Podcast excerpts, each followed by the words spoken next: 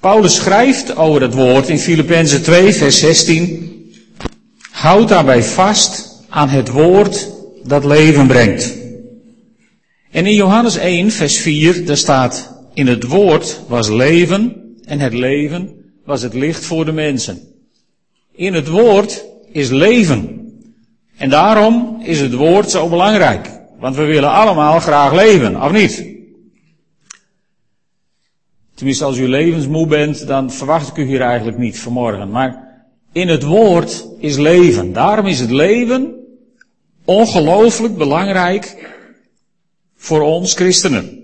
Maar hoe brengt dat woord dan leven? Nou, dat woord dat brengt leven niet door er uh, ontzettend veel over te weten, maar door het je eigen te maken.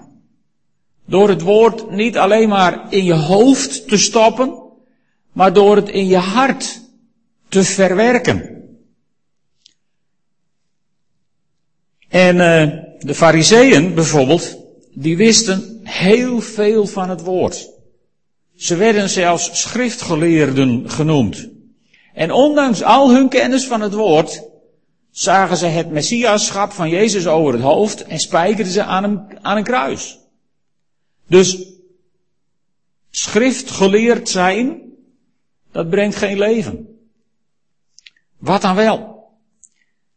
Als je leest over Jezus, als Jezus zelf spreekt over het woord in Matthäus 28 of in Matthäus 4 geloof ik.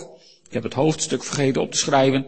Maar in ieder geval, daar staat Matthäus 7 volgens mij aan het eind van de bergreden.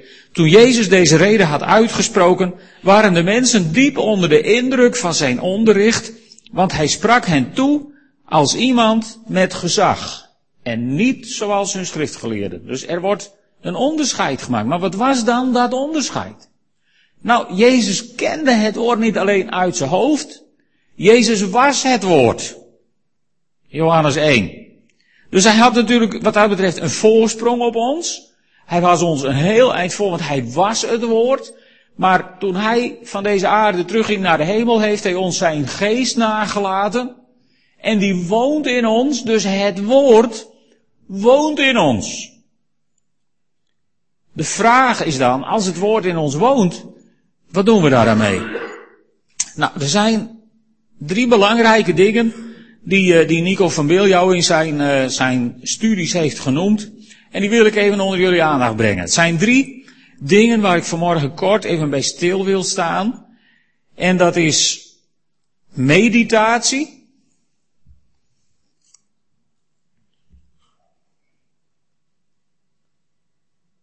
Kijk eens aan. Wie heeft er een auto met het kenteken XF32SH?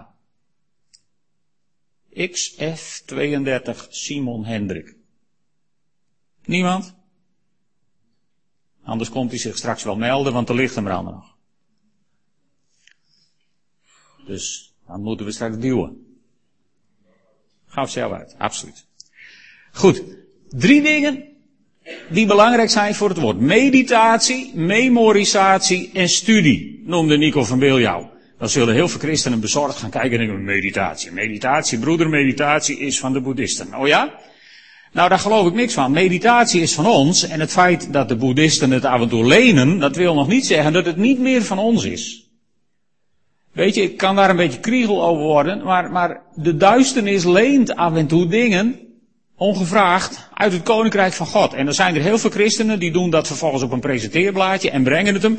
En zeggen, nou meneer de duivel, ik geloof dat het van u is, alstublieft. En vervolgens zeggen we tegen elkaar, de duivel heeft ons van alles ontroofd. Hè? Nou, de duivel heeft ons niks ontroofd. Wat we kwijt zijn geraakt aan de duisternis, hebben we weggegeven. Zelf. En dat moeten we ook zelf gewoon terughalen. En meditatie is zo'n ding, dat is van ons. Er is niks occults aan meditatie zolang je mediteert over het woord van God. Want meditatie komt gewoon van het, uh, van het Latijnse woord, moet ik even spieken, meditari. En dat betekent ergens diep over nadenken, zodat je tot de kern van de zaak weet door te dringen. Nou, er is volgens mij weinig belangrijker om te doen met het woord van God dan er goed over nadenken, zodat je tot de kern van de zaak weet door te dringen. Volgens mij is dat namelijk wat God graag van ons wil. Dus meditatie is belangrijk. Het staat ook in de, in de Bijbel.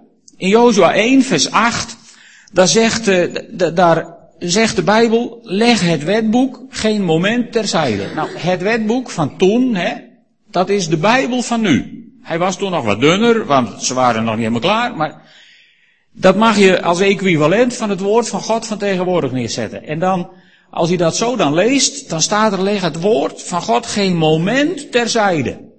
En verdiep je er dag en nacht in, opdat je je aan alles houdt wat erin geschreven staat. Dan zal alles wat je onderneemt voorspoedig verlopen. Ditzelfde staat ook in Psalm 1. In Psalm 1, daar staat gelukkig de mens die niet meegaat met wie kwaad doet. Gelukkig. Die de weg van zondaars niet betreedt, bij spotters niet aan tafel zit, maar zijn vreugde vindt in de wet van de Heer, in het woord van God. En zich verdiept in zijn woord dag en nacht. Hij zal zijn als een boom geplant aan stromend water. Op tijd draagt hij vrucht, zijn bladeren verdorren niet. En alles wat hij doet, komt tot bloei. Mooi hè? Geweldig hè? Bezig zijn je verdiepen in het woord van God. In het Latijn noemden ze dat meditari en dat heet dus mediteren. Je verdiepen in het woord van God. En dan zul je misschien denken, ja, je hebt makkelijk praten, jij, dag en nacht, maar ik moet ook werken. En ik moet ook slapen. Maar weet je, toch kun je je dag en nacht verdiepen in het woord van God. Hoe moet je dat dan zien? Nou, als je ergens over gaat mediteren, als je jezelf de tijd gunt om, om, om een stukje uit het woord van God wat je plotseling aanspreekt, om dat in je hart, zeg maar, zeg maar, neer te leggen en erover te gaan mediteren, dan, dan kun je best aan je werk zijn en dan zo ineens plopt het weer even omhoog en dan denk oh ja, was ook zo. En dan lig je s'nachts te slapen en dan word je eens even wakker en dan komt dat weer in je gedachten, want je bent ermee bezig. Dit, dit moet je herkennen, want de meeste mensen, als ze namelijk ergens diep over bezorgd zijn, dan doen ze dat. Hè? Als je s'nachts wakker wordt, dan is dat er ineens weer. Het is nooit uit je gedachten. Zo zou het moeten zijn in ons leven met het woord van God. Het zou nooit uit je gedachten moeten zijn. Je, je kunt het volgens mij het beste vergelijken met, met suddervlees. Bedoel, dat moet je even bakken en even braden, dus je moet er even intensief mee bezig zijn. En dan, dan zet Geert je dat heel zachtjes te sudderen. En elke keer als je door de keuken komt, en elke keer als je buiten langs de keuken loopt waar de uitgang van de wasemkap zit, dan is het er even. Je bent er niet de hele dag mee bezig, maar het suddert de hele dag.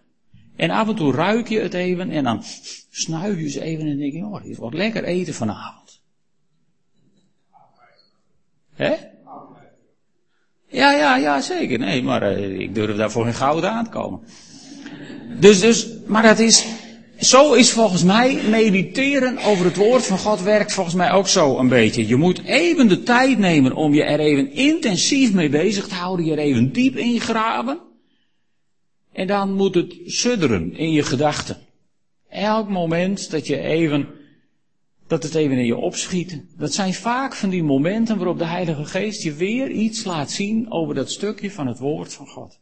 Zo zo krijg je diepgang in het woord van God. Diepgang krijg je niet door zware studies van andere mensen die ze vervolgens aan je oplepelen. Diepgang krijg je door diep te gaan in het woord van God. Door er over na te denken, door ermee bezig te zijn. En dat kan dag en nacht. Anders had God het Jozua niet opgedragen. Anders had de psalmist het in psalm 1 niet geschreven. De Bijbel had dit ons nooit aangereikt als God had geweten dat het niet mogelijk was. Want er staan geen onmogelijke dingen in de Bijbel. Dus het kan. En kennelijk word je er gelukkig van en vind je er vreugde bij. En zal het, zal het goed met je gaan. Is dat een welvaartsevangelie? Ik denk het niet. Maar het zal wel goed met je gaan. Ongeacht de omstandigheden. Want als je, als je suddert in het woord van God, dan worden de omstandigheden om je heen, die worden namelijk ineens minder relevant omdat je door gaat dringen tot de kern van de zaak. En de kern van de zaak is niet of het me materieel helemaal voor de wind gaat en geweldig goed. De kern van de zaak is dat het me geestelijk voor de wind gaat en helemaal goed. Dat ik sta in de wereld en als het stormt, dat ik gewoon blijf staan. Misschien een beetje mee heen en weer wieg, dat doen de bomen ook, maar ze blijven wel staan. En waarom blijven ze staan? Waarom blijven ze staan? Omdat ze wortels hebben. Wat onder de grond zit, houdt de boom overeind. Niet wat je boven de grond ziet. En dat heet mediteren. Dat betekent je wortels diep wegsteken in het woord van God. Heel belangrijk. En het tweede wat, wat uh, wordt aangereikt is memorisatie, uit je hoofd leren. Vroeger had ik daar van nature iets tegen. Ik kom ook uit, uit de periode in het onderwijs dat mijn leraren zeiden van, je moet, je moet het niet uit je hoofd leren, je moet weten waar het staat. Volgens mij is dat tegenwoordig nog veel simpeler, hè, want je moet tegenwoordig gewoon weten hoe je het googelt. Dan hoef je niks uit je hoofd te leren. Maar daar kom ik straks even op terug dat dat niet werkt. Het uit je hoofd kennen van, van cruciale stukjes uit de Bijbel, en dan hoef je ze niet helemaal letterlijk perfect te kunnen citeren, maar het uit je hoofd kennen van Bijbelgedeeltes is, is op cruciale momenten van cruciaal belang. Dat zal ik je laten zien uit de Bijbel. We beginnen even in Psalm 119. Een prachtige psalm over het woord. En hij gaat ook helemaal over het woord. En ik zal hem omwille van de tijd niet helemaal behandelen. Maar een paar versjes eruit naar vers 9. In vers 9, daar staat, hoe kan wie jong is zuiver leven? Ja, dat is een goede vraag. Dat vragen je allemaal af. Hè? Hoe blijf je overeind in deze grote boze buitenwereld? Hoe kun je nou zuiver leven in deze maatschappij? Door zich te houden aan uw woord. Moeilijker is het niet. Met heel mijn hart, zegt de psalmdichter, heb ik u gezocht. Laat mij niet afdwalen van uw geboden. En dan, moet, dan komt het. Uw beloften heb ik in mijn hart geborgen. Als de Bijbel zegt dat je iets in je hart geborgen hebt, dan bedoelt de Bijbel daarmee dat je het uit je hoofd geleerd hebt. Ja, het, het Semitische taalgebruik is een beetje anders dan het van ons, maar wat je in je hart opbergt, dat onthoud je. Dat zet je vast in je binnenste. Dus de psalmdichter zegt, uw belofte heb ik in mijn hart geborgen, uit mijn hoofd geleerd, zodat ik tegen u niet zal zondigen. Geprezen bent u Heer, onderwijs mij in uw wetten. Daar kom je dan weer bij dat mediteren. Want je door God laten onderwijzen is in wezen mediteren. Een bijbeltekst nemen en zeggen, Heer, wat wilt u me hier nou eens door zeggen? Spreek. En dan zul je merken dat God spreekt vanuit zijn woord en dat God je onderwijst. Want ook de psalmdichter vraagt geen onmogelijke dingen. En dan het volgende vers. Mijn lippen hebben uitgesproken wat uw mond ons voorschreef. Leven naar uw richtlijnen geeft mij vreugde, meer vreugde dan rijkdom en overvloed. Uw regels wil ik overdenken. Daar heb je dat mediteren weer. Het oog op uw paden gericht. Ik verheug mij in uw wetten en uw woord zal ik niet vergeten. Met andere woorden, uit mijn hoofd leren. En waarom is het zo belangrijk? om, om, om, om fundamentele dingen uit het woord van God gewoon paraat te kennen. Daarvan hebben we een prachtig voorbeeld in de Bijbel. In Matthäus 4 staat een geweldig verhaal. Het verhaal van de Heer Jezus die in de woestijn wordt geleid om daar verzocht te worden. En dan na 40 dagen vasten, niet eten en niet drinken, hè, krijgt de Heer Jezus honger. Ja, vind je het vreemd. En, en op het toppunt van de honger komt de vijand. Want die zoekt je zwakste moment uit. Zo werkt het vandaag de dag nog steeds. En die zegt tegen de Heer Jezus van, volgens mij is het voor u een kleinigheid om van deze stenen brood te maken. Dat was ook zo, daar had hij groot gelijk over. Want wij denken dat de duivel altijd liegt, maar meestal komt hij met een bijna waarheid. En dit was hartstikke waar. Het was voor Jezus maar een kleinigheid om uit die stenen brood te maken uit het zand, vla, dat had allemaal niks uitgemaakt. Voor de Heer Jezus was alles mogelijk. En wat zegt Jezus dan tegen hem? Wat zegt Jezus dan tegen hem? Wat zegt hij?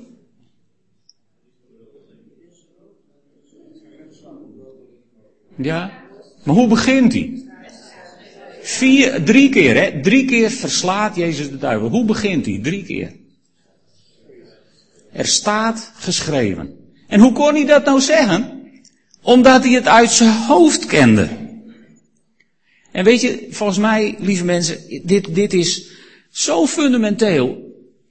Dit is, is het stukje wat de noodzaak van, van kennis van het woord van God, dus teksten uit je hoofd kennen, dat wordt hier duidelijk gemaakt.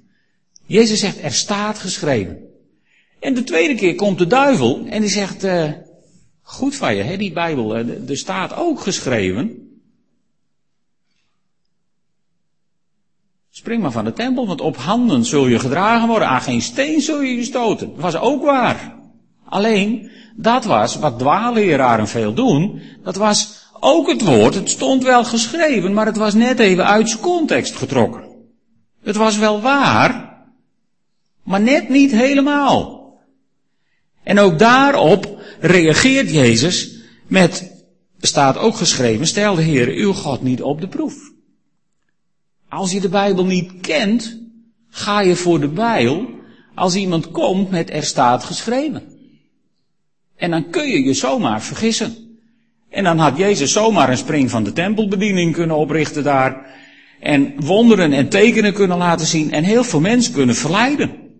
Want ik garandeer je, als hij van de tempel was gesprongen en veilig geland, hadden er meer mensen in hem geloofd dan nu die het niet deed. Absoluut. Maar dan was hij het spoor van God kwijtgeraakt. En hij hield het spoor van zijn vader, omdat hij zei, er staat geschreven. Dat is zo belangrijk, want je kunt dit vergelijken met, met de wapenrusting, zeg maar, van een militair. In Efeze 4, daar lees je dat ook, of Efeze 6, in vers 17, daar staat draag als helm de verlossing en als zwaard de geest, dat wil zeggen Gods woorden. Als zwaard. Dit, het woord is het zwaard des geestes, staat in de NBG-vertaling. Dit is je zwaard. En, en het is erg jammer dat we dit zwaard vaak gebruiken om als christenen onder elkaar, elkaar aan te vallen. Daar is het niet voor bedoeld. Volgens mij is het een, een, een zwaard wat bedoeld is om je te verdedigen. Zoals de Heer Jezus ook deed. Er staat geschreven en zo pareerde hij elke aanval van de duivel. En, en, en wij hebben niet zoveel meer met zwaarden, omdat dat tegenwoordig geen gangbaar wapen meer is. Maar voor de mensen in die tijd was het heel helder. Want je kon je als Romeins soldaat moeilijk veroorloven als je op het slagveld stond en er kwam iemand met een getrokken zwaard op je afstormen. Dan kon je moeilijk zeggen van even mijn laptop en even googelen onder zwaard. Dan was je al lang dood voordat je überhaupt eraan toe was, voordat het ding was opgestart al. Dus als je wat wilde met dat zwaard, dan waren er drie fundamentele dingen. Je moest het bij je hebben. Wie heeft het zwaard bij zich? Ik zie grote gaten vallen. Levensgevaarlijk. Levensgevaarlijk. Moet je zelf weten. Maar als je je wilt verdedigen, moet je het zwaard bij je hebben. En eigenlijk moet je het zwaard hier bij je hebben, hè? In je hoofd. Want de duivel komt altijd immers op je zwakste moment. En als de duivel tegen Jezus had gezegd, op het toppunt van zijn honger, van je, je kunt toch wel van die stenen brood maken. En Jezus had gezegd, ja, dan moet ik even zoeken, even in de online Bijbel. Die zegt iets over brood, maar hoe was het ook alweer? En de duivel maar zitten zo, hè, zo, daar word je zo vrolijk van als je op die manier onder druk wordt gezet. Je kunt de duivel, je kunt de vijand alleen pareren als je het woord van God paraat hebt. Je moet het bij je hebben. En het tweede is, je moet ook weten hoe je ermee om moet gaan. Een Romeinse soldaat, die kon moeilijk een zwaard bij zich steken en een boekje, de principes van zwaardvechten, en dan het slagveld opgaan. Er moest getraind zijn, hè? er moest geoefend zijn. En bovendien moest je ook nog wat weten van zwaarden. Zodat je kon zien of er wat aan keren, of je wel een goed zwaard kocht. Een, een beetje sporter, een beetje schaatser, die, die vandaag rondjes rijden in Tialf. Die jongens weten allemaal ook wel iets van schaatsen. Die trek je niet zomaar alles aan hun voeten. Die, die hebben verstand van hun uitrusting. Hè? Dus als je, als dit nou jouw wapen is, of jouw sportattribuut, waar je je sport mee moet bedrijven, lieve mensen, dan moet je het bij je hebben. Dan moet je erin getraind zijn. En je moet er een beetje verstand van hebben. En anders ben je in deze wereld een willoos slachtoffer van iedere dwaalleer die maar op je weg komt. En ben je een willoos slachtoffer voor de aanvallen uit het rijk van de duisternis. Het woord brengt leven. En als je het woord niet bij je hebt, dan heb je de bron van het leven niet bij je. En als je niet met het woord kunt omgaan, kun je met de bronnen des levens niet overweg. En als je niets van het woord weet of snapt, hoe wil je dan tot die bronnen van het leven doordringen? Weet je, er zijn, elke christen verlangt volgens mij naar leven. En, en soms lijkt het wel alsof mensen het zoeken in spectaculaire dingen. En ik heb helemaal niks tegen spectaculaire dingen. Ik ben er ook absoluut niet bang voor. Maar spectaculaire dingen zonder het woord van God is koorddansen zonder koord onder je. Dan val je naar beneden. Dan ben je gedoemd om te verongelukken. Het woord van God is zo ongelooflijk belangrijk dat er nooit genoeg over gepreekt kan worden en dat er nooit genoeg over gezegd kan worden. Dit is de bron van je leven. En als je hier niet in thuis bent en hier niet mee overweg kunt, dan red je het niet in deze tijd.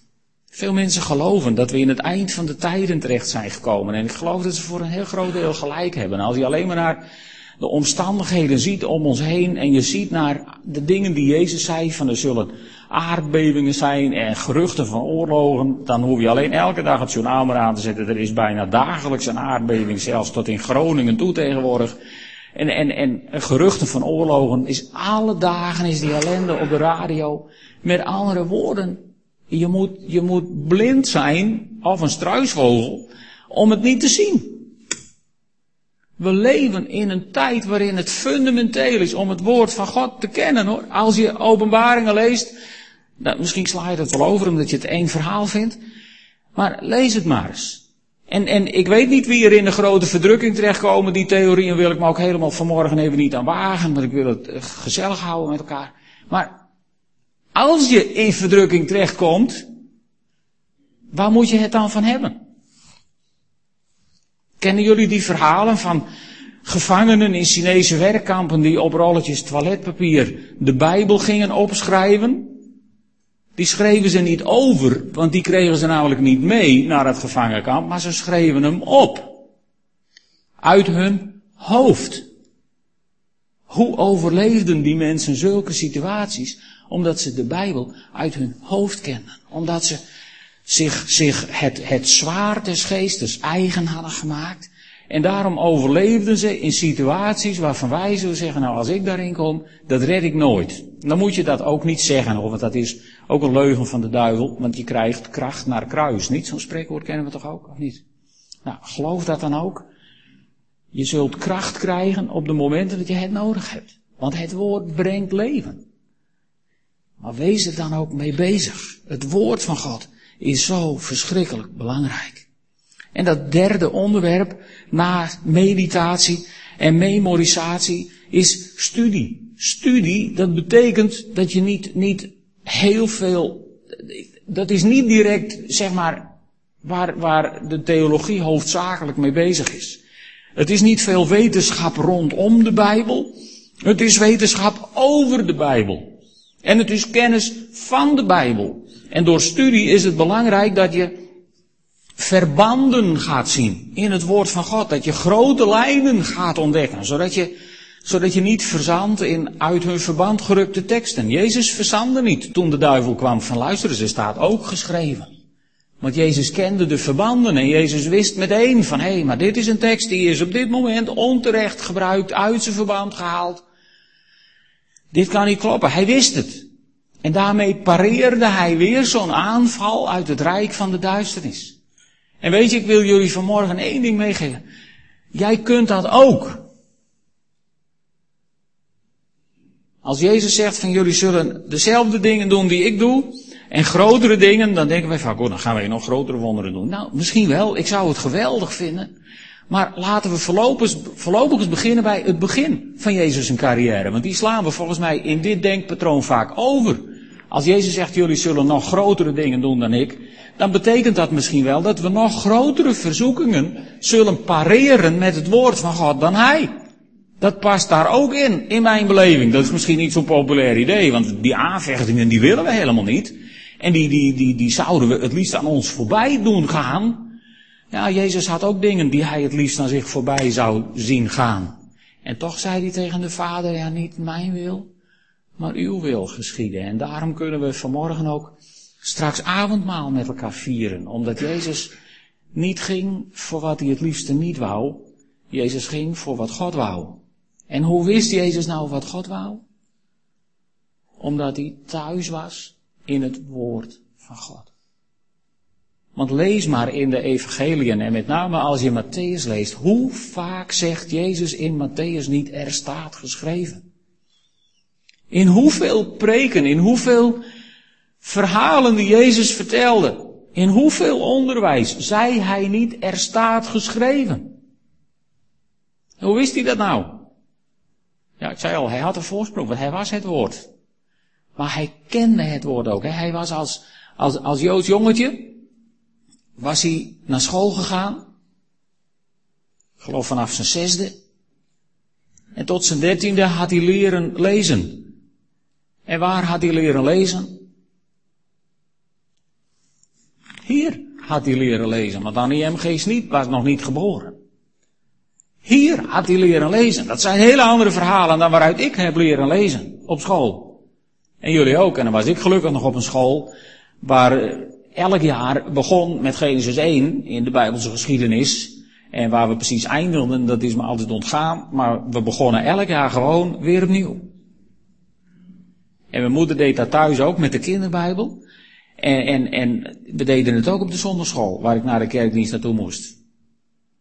En weet je hoe het nou komt dat zoveel verhalen gewoon hier in dit hoofd zitten? Omdat er mensen waren die heel trouw elke keer gewoon weer begonnen bij Genesis 1. En die dachten, dat hebben ze vorig jaar al gehad, laten wij maar eens wat thematisch gaan doen. Nee, ze begonnen gewoon elke keer weer bij het begin. En die verhalen die werden verteld en verteld en verteld en verteld. En daardoor zitten ze in je hoofd. Of niet? Er zitten volgens mij hier meer mensen uit het christelijk onderwijs. Die daarvan hebben genoten. Of niet? Maar in ieder geval, die verhalen heb je meegekregen. En die zitten in je hoofd. En omdat ze in je hoofd zitten, hebben ze je misschien al in heel veel situaties gered. En in heel veel andere situaties hebben ze je ongetwijfeld gezegend. Want God kan tot je spreken door woorden uit zijn woord in je gedachten omhoog te brengen. Maar er moet er wel wat omhoog te brengen zijn. En, en wij zijn verantwoordelijk om het erin te stoppen om ermee bezig te zijn.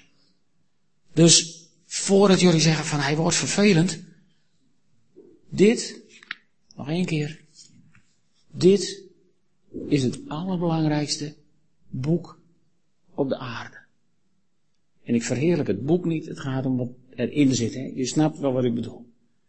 Dit is het woord van God. En als je dat woord van God gebruikt als ontbijt, lunch, diner en tussendoortjes. Dan word je een mens als een boom geplant aan waterstromen en alles wat je doet zal gelukken.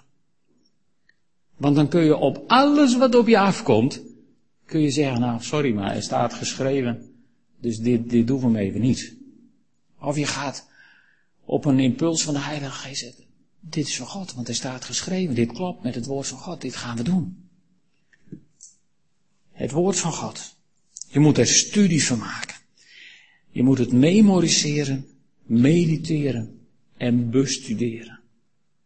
En bijbelstudie is niet meer het meest populaire. Dus ik wil toch even reclame maken voor de bijbelstudies. Eén keer in de veertien dagen is hier op dinsdagavond uh, een prachtige fundamentenstudie van Siebe, waar ben je gebleven? Van Siebe en Wietske, die doen met een hele groep, doen ze dat. En er is een uh, bijbelstudie waarin we met een groep mensen een bijbelboek behandelen. En, en ja, ik moet zeggen, als het bezoek aan de studieavonden de honger naar het woord van God moet vertalen, word ik niet blij. Dus ik ga ervan uit dat sommige mensen het gewoon veel te druk hebben. Maar het bestuderen van het woord van God, ermee bezig zijn, er ook samen mee bezig zijn, er op de kringen over praten met elkaar. Het is zo ongelooflijk belangrijk. Het is zo belangrijk. Het is het hoofdelement van je voeding. Het allerbelangrijkste wat je kunt doen. Toen iemand aan de Heer Jezus vroeg, wat moet ik doen om behouden te worden? Toen zei de Heer Jezus, weet je wel wat er in de wet staat? En die fariseer, die schriftgeleerde, die wist wat er in de wet staat. En die antwoordde, heb de Heer uw God lief met heel uw hart, met heel uw ziel en met heel uw verstand. Weet je wat dat betekent? Als je God lief hebt met heel je hart, dat, dan kom ik bij dat memoriseren. Gods woorden in je hart bergen. Als je God lief hebt met heel je ziel, waar je verstand zetelt, dan betekent dat mediteren, diep nadenken over het woord van God, zoeken naar de, in, naar de diepe betekenissen die het woord van God heeft. En met al je verstand, dat betekent studie maken, met je nuchtere verstand van het woord van God. God liefhebben kan niet om het woord van God heen. En daarom is het zo belangrijk. En wat nou zo ongelooflijk mooi is, dat woord was bij God. En dat woord was God. Er is niks heiligs aan dit boek, hè? begrijp me goed. Maar het woord wat hierin is opgeschreven, was bij God en het was God. Zegt 1 Johannes. En dat woord, de Heer Jezus, is naar deze wereld gekomen. En dat heeft onder ons gewoond. En dat woord heeft ons een aandenken nagelaten. In brood en in wijn. En daarom past het zo goed bij elkaar, volgens mij. Om een morgen met elkaar te praten, te spreken of te luisteren. Doen jullie eigenlijk. Om, om een morgen met elkaar bezig te zijn met het belang van het woord.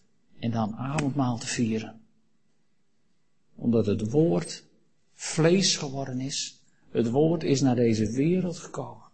En weet je, dat wil zeggen, dit woord is niet iets wat onbereikbaar voor je is. Dit is niet iets waarvoor je naar de hemel hoeft op te stijgen om Gods wijsheid te halen. Het woord is mens geworden en heeft onder ons gewoond. Het woord is naar deze wereld gekomen.